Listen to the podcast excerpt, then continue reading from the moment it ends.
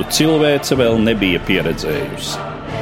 Vadoņu avantūrisms un ambīcijas. Valsts vīru neizlēmība un ilūzijas. Arvien jaunas valstis ievilktas kara virpulī. United States of America was suddenly and deliberately attacked nežēlīgi malti cilvēku un tautu likteņi. Lai dzīvo darba tautas draugs un ģeniālais vadonis biedrs Stalins! Otrais pasaules karš sarunās ar Eduardu Liniņu raidījumu ciklā Satumsums. Labdien, cienījamie klausītāji! Notikumi pirms 70 gadiem Kurzemē kureliešu cīņas. Mans sarunbiedrs studijā vēsturnieks Uldis Neiburgs. Labdien! Labdien! Sāksim no paša sākuma. Cilvēks, kurš ir devis vārdu šai kustībai, šīm vienībām, Jānis Kurelis, kas viņš bija?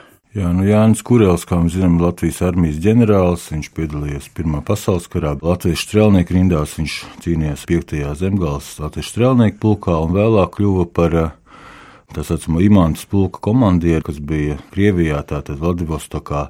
Un šo imants pulku viņš veica ar šo ceļu vēlāk atpakaļ uz Latviju. Un vēlāk dienēja Latvijas armijā līdz savai atvaļināšanai. Otrā pasaules kara laikā sākotnēji viņš arī mēģina pieteikties kārtības dienestā, jo acīm redzot, bija nepieciešama kaut kāda iztika vai kaut kāda nodarbošanās bet uh, iespējams, ka viņi uzskatīja, ka viņš jau pa vecu vai, vai izdienējis viņu sākumā dienestā nekādā neuzņem, tad viņš strādā vienā apsardzes kompānijā par vadītāju.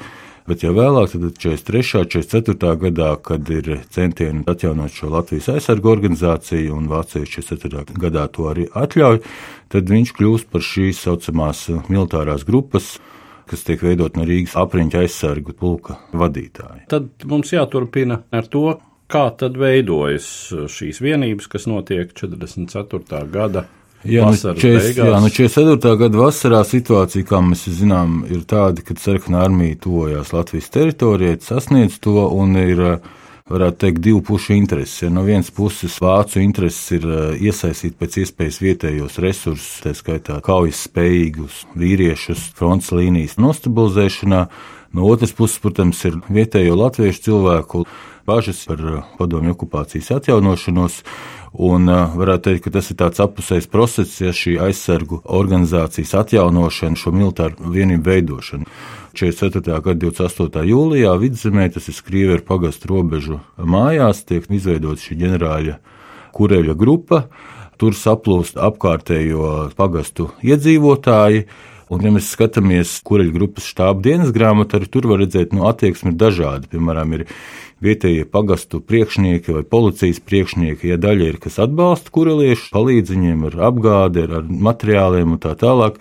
Daļa ir tādi, kas pilda tikai kaut kādus akli vācu rīkojumus, daļa pat ir tādi, kas paši tur pamet savus posteņus, dodas bēgļu gaitās un tā tālāk.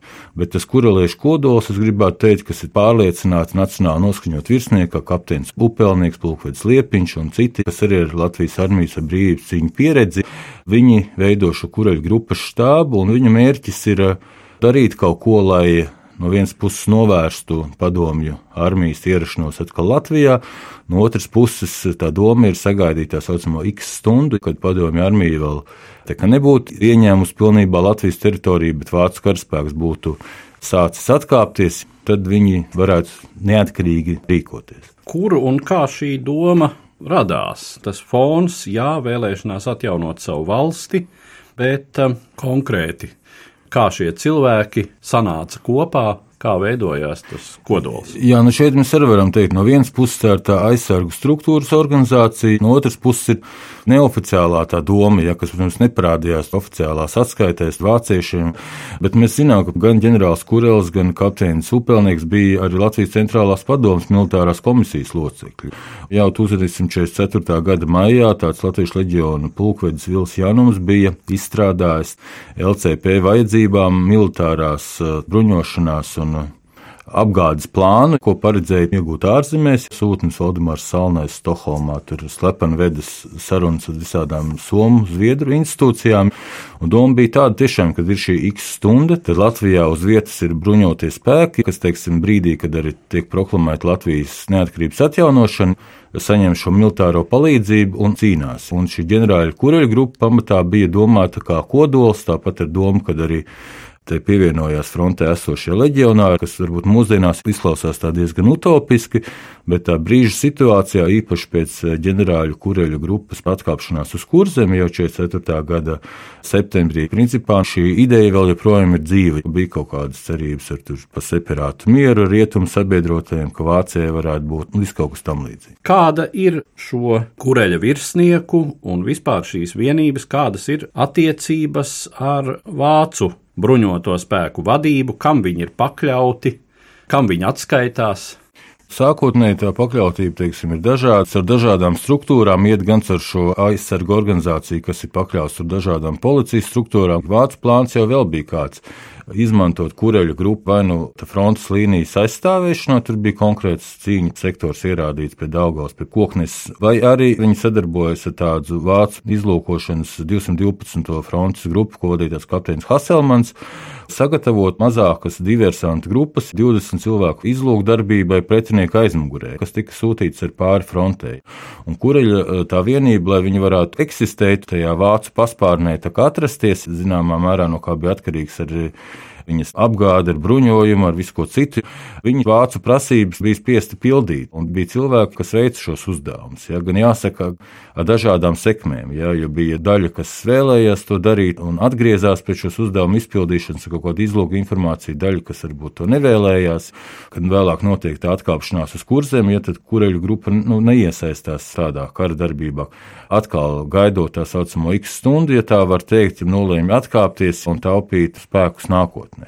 Un rezultātā jau tas viss noved pie tā, ka šis Friedrichs Ehelns, SS Obergrufenfuirers, kas ir augstākais SS un policijas pavēlnieks Ostlandē un Ziemeļkrievijā, viņš redz, ka ir tā problēma, ja, ka kureļa grupa cenšas ignorēt viņa rīkojumus, piemēram, Mēs varam runāt par kurelēšu sastāvu. Ja sākotnēji varbūt tur bija kāds pusotrs tūkstots vīru, tad jau kurzemē, kad viņi nonāk Talsu, Ventspils apkārtnē, Usmas vai toreiz Puzes pagastā, viņu kopskaits sasniedz jau apmēram 3000 cilvēku. Viņiem pievienojas leģionāri, kas ir dezertējuši no savām vienībām, kas nevēlas doties cīnīties uz Vāciju.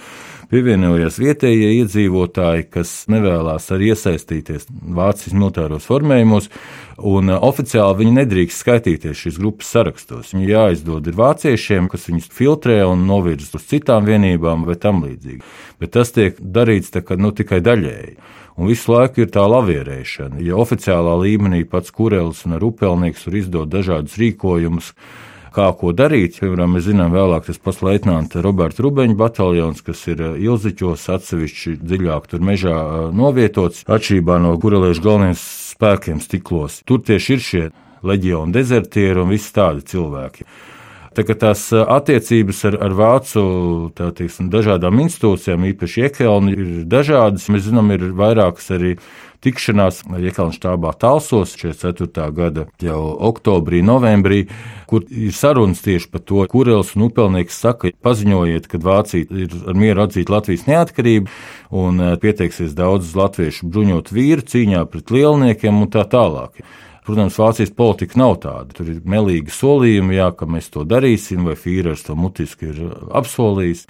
Tas noved pie tā, ka tā kureļu grupa tiek likvidēta. Ja 14. novembrī 44. gadā vai galvenie spēki apcietināti. Vispār, kā mēs varam raksturot tā brīža situāciju kurzemes, ielaņtajā kurzemes uh, teritorijā, cik sakārtot ir vispār šī vācu militārā administrācija tur un uh, teiksim, cik pašiem vāciešiem ir e, tādas sistēmiskas skaidrības par to, kam būtu jānotiek ar kureliešiem, kas viņi tādi ir un kur viņiem būtu jāatrodas. Jā, nē, nu, ja runā par kurzemes fronti vai kurzemes teritoriju kopumā, var runāt ne tikai par militārām struktūrām.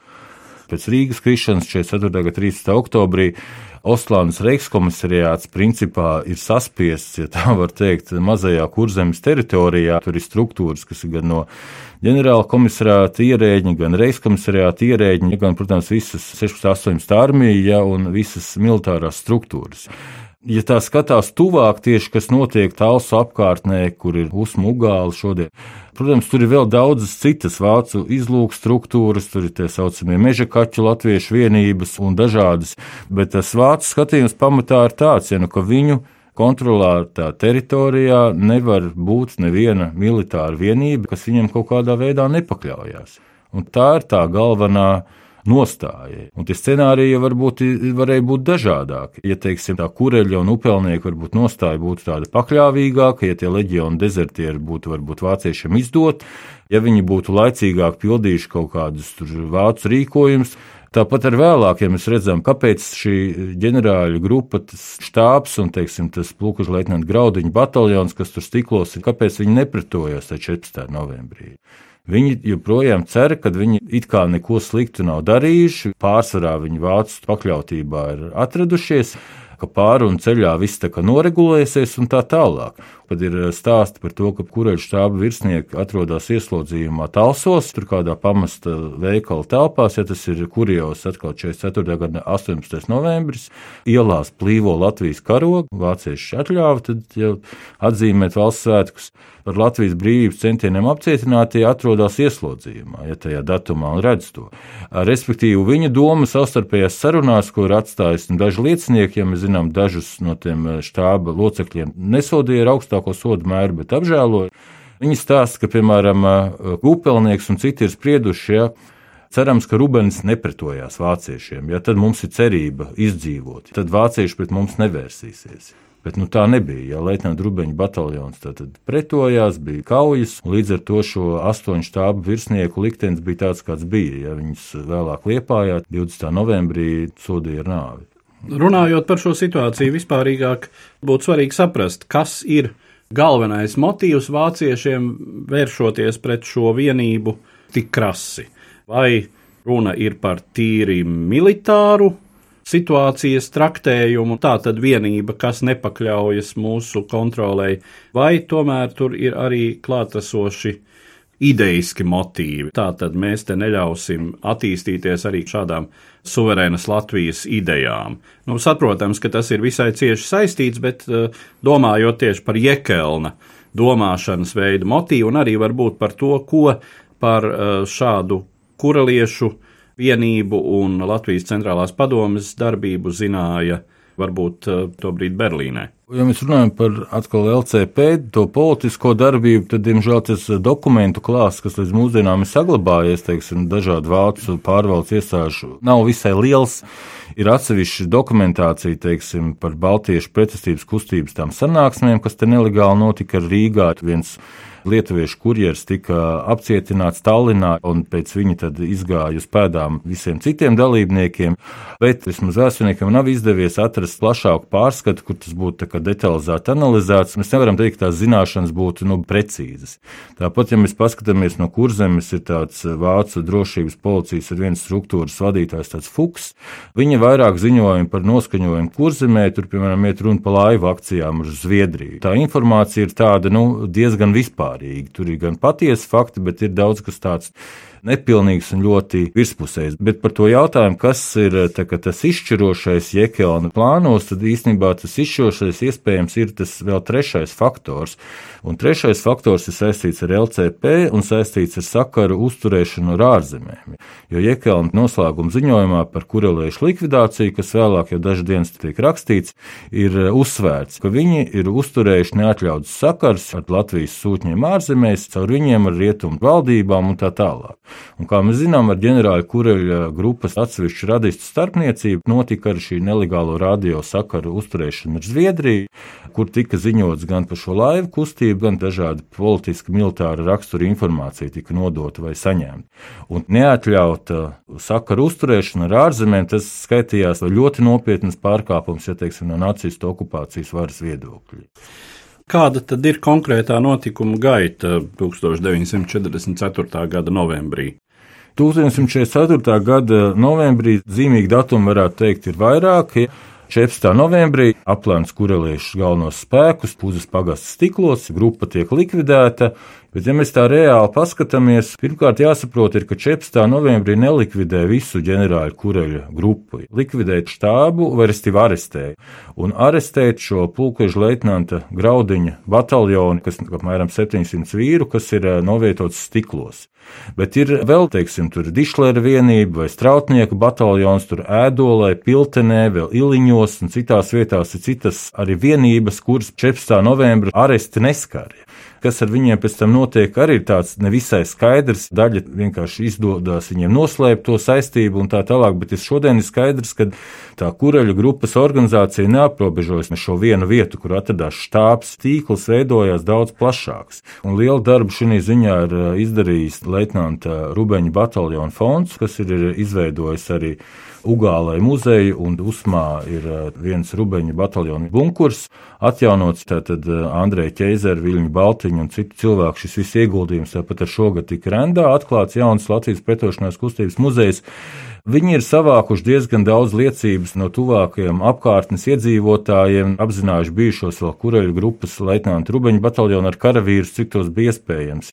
Tātad eh, ģenerāļu kureli atlaiž pie ģimenes, vēlāk nosūta ģenerāla inspektora Bangērs leģionu štābu rīcībā uz Vāciju, ja viņš karu pārdzīvo, mirst vēlāk Amerikā 1954. gadā štāba virsniekus. Kopā viņi ir 11, viņus tātad iesloga talsos. Vēlāk, 19. novembra naktī Liepājā ir tā izņēmuma stāvokļa tiesa. Astoņus no viņiem soda ar uh, nāvis sodu, trīs tātad apžēlo. Kas notiek tālāk? Tad šī e, leitnanta Rubeņa vienība, kas sākotnēji apmēram 650 vīru, viņi atsakās pildīt vācu rīkojumus. Un 18. novembrī, tātad jau četras dienas pēc šī notikuma, tieši Latvijas valsts e, svētku dienā, notiek pirmā rendas kauja, kur pretīm rubeniešiem ir tas saucamais vācu šaca bataljons, kur rubenieši ir spējīgāk, un vēlāk izlēku kaujas, ja pretī veidots tāds speciāls kapteiņa Helda bataljons, un vēlāk šīs kaujas norisinās 6. un 7. decembrī. Šo kauju laikā tieši rubenieši ir tie, un kas ir svarīgi, varbūt uzsvērt, no kuru lodēm 7. decembrī rīt gan šis kapteinis Helds, gan eh, bijušais Salaspils koncentrācijas nometnes komendants Kurts Krause, un vēl vairāki vācu virsnieki, un eh, pēc šī paša rubeņa eh, bataljona muzeja aprēķiniem šajās divās kaujās, 18. novembrī, 6. un 7. decembrī, krīt vācu pusē līdz pat 200, 250 cilvēkiem, kamēr rubeniešu zaudējumi ir kādi 50 cilvēki. Diemžēl bataljona komandieru leitnantu Rubeni nāvīgi ievainoja jau 18. novembrī, viņš iet bojā. Taču, kā tagad ir noskaidrots virsnieka vietnieks Aleksandrs Druviņš, kas pārņem bataljonu vadību, arī vēlāk tiek ievainots 6. un 7. decembra kaujās, taču Viņš nepamat ierindu, ja viņš turpina komandēt savus vīrus, un veiksmīgi ar nelieliem zaudējumiem viņiem izdodas iziet no šī vācu aplankuma loka. Piemēram, pats Druviņš, kaut ir smagi ievainots, viņu paslēpt tur laidarāju mājās, Vēlāk aizved viņu slepus uz tālu slimnīcu, tur medmāsiņas viņam pat rūsas pielīmē, lai viņu nepazītu, un viņš karu pārdzīvo. No padomju arī dažādām iestādēm viņam izdodas noslēpt savu dalību kuraliešos, dzīvo suntežos un mirst laikam 1977. gadā. Protams, vēl neskaidrs ir to vairāku simtu arī kuraliešu liktenis, kas, piemēram, palika mežos, Ir zināms, ka vēl tur 44. Eh, gada beigās, 45. gada pat pavasarī bija bijušie kurelieši, kas meklēja patvērumu, kas meklēja pārtiku, kas centās nokļūt laivām pāri uz Zviedriju. Varbūt drusku raksturojot to situāciju vispār, šis arī literatūrā zināmais tēls, kur zemes mežs tajā laikā, kurā slēpjas, uzturas, darbojas dažādu pārliecību, pakļautības mērķu ļaudis. Atkal mums nav tādu precīzu vēstures avotu, lai mēs to pilnīgi precīzi restaurētu. Mums ir teiksim, drīzāk vairāk daļradas darbi, mums ir atmiņas. Bet mēs zinām, teiksim, īpaši Dunkas apkārtnē un citur, nu, ir jau tāds teiciens, ka leģionā bija divas divīzijas, un tur bija mežā bija trešā divīzija. Ir cilvēki, kas vienkārši mēģina izdzīvot, sagaidīt kara beigas. Ir cilvēki, kas ir kaut kādās padomju, partizānu vai kaujinieku vienībās. Ir vienības, kur ir kaut kādi vietējie cilvēki un ir kaut kādi ar izpletņiem tur nomestie cilvēki.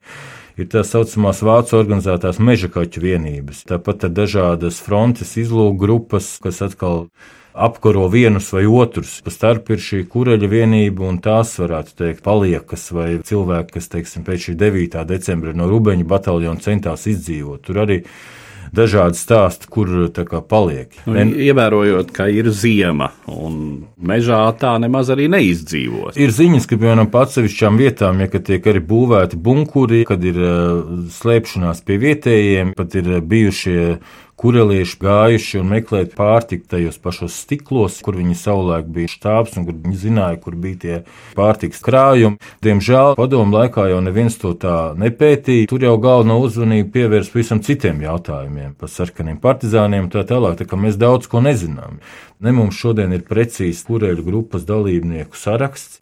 Cik es zinu, Rubeņu bataljona muzejs varbūt ir kaut kādus 100-150 cilvēkus apzinājis, kas ir bijušie rubenieši. Ir tāda Leonīda Ciliņa grāmata Latviešu Štuthovas koncentrācijas nometnē. Tur ir vairāk simt kureliešu vārdi, kas nonāca Štuthofā un citur ieslodzījumā. Vēstures doktors Dzinters Ērglis ir publicējis savā grāmatā Latvijas centrālās padomas nezināmās lapuses padomju drošības iestāžu pēckara apcietinātos kureliešu sarakstus, kam ir krimināllietas, tas ir kādi arī 300 cilvēki. Daļa bija tādi, kas pievienojās tam pašam vācu apvēra dažādām struktūrām. Daļa varbūt eh, pat nonāca leģionu vienībās, uzdevās pa civilistiem, vai gan lielākā daļa varbūt nu, vienkārši nelegāli sagaidīja kara beigas, ja pēc tam viņus padomu iestādes tur filtrēja, un tie likteņi bija nu, visdažādākie. Apmēram 1000, 1300 teiksim, cilvēku Liepājā, Ventspilī, Talsos cietumos vēlāk eh, tiek aizsūtīti uz dažādām nometnēm. Tur Štuthofā, Buhenvaldā, Neiengamē, pie Kēnigsbergas un tā tālāk. Ir tā saucamā sevišķā kara tiesa pie leģiona, ja ko vada tāds uh, pulkodis palkaunieks un uh, Lūkots Kārs Gailīts, viņi viņus lielāko daļu ieskaita leģionā, daļu būvbataljonos, un kas ir pavisam politiski neusticami vai kreisi noskaņoti, tos patur apcietinājumā. Piemēram, ir tāds Latviešu centrālās komitejas fonds Hoover institūta arhīvā, kur ir pēc kara vāktas 45. un 46. gadā jau pēc kapitulācijas bijušo kureliešu liecības. Bet nu, viņas nav daudz, viņas varbūt ir kādas patsmiti. Par viņu likteni. Viņi arī tajā pašā presības kustības dalībnieku apvienības arhīvā, kas ir tagad okupācijas muzejā, kur ir kādi apmēram 260 vai mazliet vairāk presības kustības dalībnieku vācu okupācijas laika reģistrēti, ja, vai 360. Tur ir varbūt kādi vairāki, kā 20, 25 ar kureliešu vārdu. Tāpat arī nu, padomju laikā, kā jau teicu, kolēģis Ēglis ir aprēķinājis apmēram 300 cilvēkus, kurus represēja padomju iestādes. No tiem izstāvju protokoliem un no tā, kas viņiem ir jautāts, ja viņiem ir mazāk arī interesējuši tāda kureļa grupa, un tā varbūt tā parādās, ja, bet vairāk saistība ar kaut kādām vācu struktūrām leģionā vai kaut kas tāds. Un tur arī tie likteņi dažādi. Cilvēki, kas ir filtrēti un vienkārši pat vēlāk jaunāk gadagājumi tur nonākuši sarkanā armijā iesaukt, un cilvēki, kas atkal ir tiesāti, ja kas nonākuši dažādās tur gulaga nometnēs, un eh, tas ir stāsts diezgan dažāds. Novērtējot vispār kureliešu nozīmi, skaidrs, ka vienīgā lielākā latviešu vienība, kura Otrā pasaules kara laikā mēģināja nekarot nevienā no okupantu pusēm, bet cīnīties kā neatkarīgas Latvijas spēks. Mums ir jāuzsver šī nostāja, un bieži vien mēs esam pieraduši runājot par pretestību. Mums ir tas padomu laiku, manuprāt, tā izpratne, ka svarīgi ir, cik tur ešalonus uzspridzināt, cik tur fašistu karavīrus nošāva un tā tālāk. Bet mūsu gadījumā, ka mums ir divas okupācijas, Es domāju, tiešām svarīgi ir uzsvērt šo Latvijas neatkarības ideju, šos Latvijas neatkarības centienus. Diemžēl tā arī ir realitāte, ka vairums Latvijas iedzīvotāju kara laikā varbūt ieņem pozīciju, kurš ir mazākais ļaunums - krievu vai vācieši, ja tā var vispārināt. Un tad, attiecīgi, kurš ir tas mazākais ļaunums, tad viņi tiem pieslienās tam vai bet varbūt ir tikai neliela daļa to ideālistu, kas nonāk pie tās izpratnes, kad īstenībā nav tā mazākā ļaunuma, ka ļaunumi ir abi, un mums, teiksim, tā konsekventi nostāja ja, par neatkarīgu Latvijas valsti Tīri politiski, ko dara LCP un citas pretestības grupas, un tīri militāri, ko mēģina darīt kurelieši. Protams, tur var diskutēt, ja mērķis bija teiksim, Latvijas neatkarības izcīnīšana vai cīņa pret abiem okupantiem, vai, piemēram, 14. novembrī vajadzēja pretoties vai nevajadzēja pretoties. 2014. gadā tas var likties, varbūt, un izskatīties pavisam savādāk, kā tas izskatījās 70 gadus atpakaļ.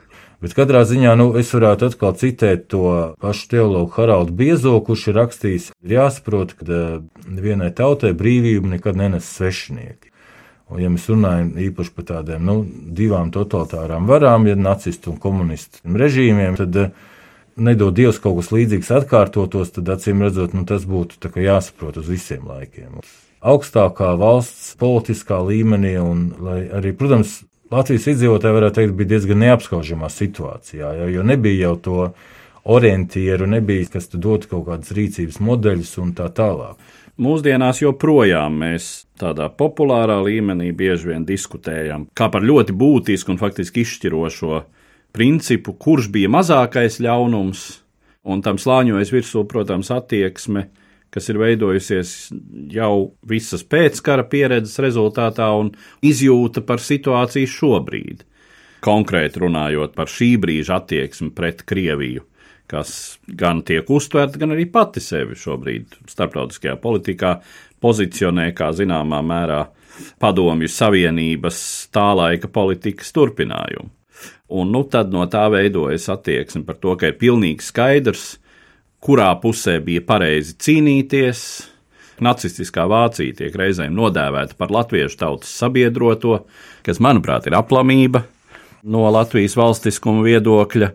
Šur tur populāri dzirdams, ka kurelieši tiek nodēvēti par nodevējiem, jo pareizi bija iet un cīnīties leģionā frontē, nevis slapstīties pa mežiem, un tā tālāk, un tā tālāk. Mums ir visa šī otrā pasaules kara un latviešu dalības Otrā pasaules karā pieminēšana koncentrējusies ap 16. martu, kas ir no daudziem viedokļiem, un, manuprāt, arī no Latvijas valstiskuma viedokļa ļoti problemātisks datums. Bet um, vai būtu iespējama kaut kāda šī akcentu pārbīde tādā pieminēšanas nozīmē uz šiem datumiem, kas saistās ar uh, kureliešu cīņām 44. gada novembrī, decembrī. Jā, nē, nu daļēji jau tas notiek. Varbūt tas notiek, teiksim, lokāli, ja, un to varbūt mēs nevaram visas valsts mērogā pacelt vismaz šobrīd, bet, piemēram, tas pats Rubeņa eh, bataljona fonds. Viņi organizē jau vairākus gadus, 14. novembrī. Tur ir piemiņas pasākums, ja gan Ugālē, gan uh, pie šī muzeja, pie šī atjaunotā rubeniešu bataljona bunkura. Tur, man liekas, katru gadu vairāk simti cilvēki piedalās. Es esmu bijis turklāt. Vietējiem tā ir goda lieta, ja, viņi to apzinās un novērtē, un tā ir tāda ļoti laba tradīcija. Un varbūt, ka mums vairāk ir jāveido šīs vietējās tradīcijas, kur, piemēram, kur zemē ir notikuši šādi notikumi, mēs, teiksim, viņus izceļam vai pieminam, jā, Latgalē varbūt 45. gada martā ir Stampaku kauja, kas ir lielākā nacionālo partizānu cīņa pret padomju okupantiem, varbūt mēs varam nu, likt uzsvaru uz šādām lokālām izpausmēm. Par karavīru atceru, un es teiktu, nu, tad mums ir 11. novembris Lāčplēša diena, un tad varbūt nevis tikai vārdos, kā te valdības pārstāvji ir teikuši, nu, kad eh, visus karavīrus pieminam 11. novembrī, nu, tā skaitā leģionārus, nu, bet varbūt arī pieminam, ja, jo bieži vien ir tā, ka pirms 16. marta to pasaka, Un pienāk tas 11. novembris, un tad tur tos leģionārus aizmirst. Es drīzāk teiktu, varbūt tā Latvijas dienas nozīmē mums būtu jāpaukstina arī, ja domājot par šo tiešām visos laikos par Latvijas brīvību cīnījušos karavīru piemiņu. Un ne tikai piemiņu, ne tikai eh, sēras pa kritušajiem, bet arī to prieku par eh, to, ko mēs esam izcīnījuši, par to apņemšanos cīnīties, arī ja šai cīņai vienmēr nav bijuši varbūt tūlītēji rezultāti, ja, kā mēs redzam, kureliešu gadījumā. Es domāju, ar to mums vairāk būtu jāstrādā.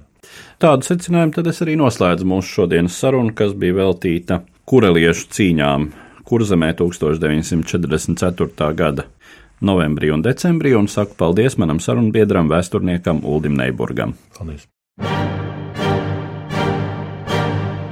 Raidījumā šīs dienas acīm cikls Satumsums Sarunas par Otro pasaules karu.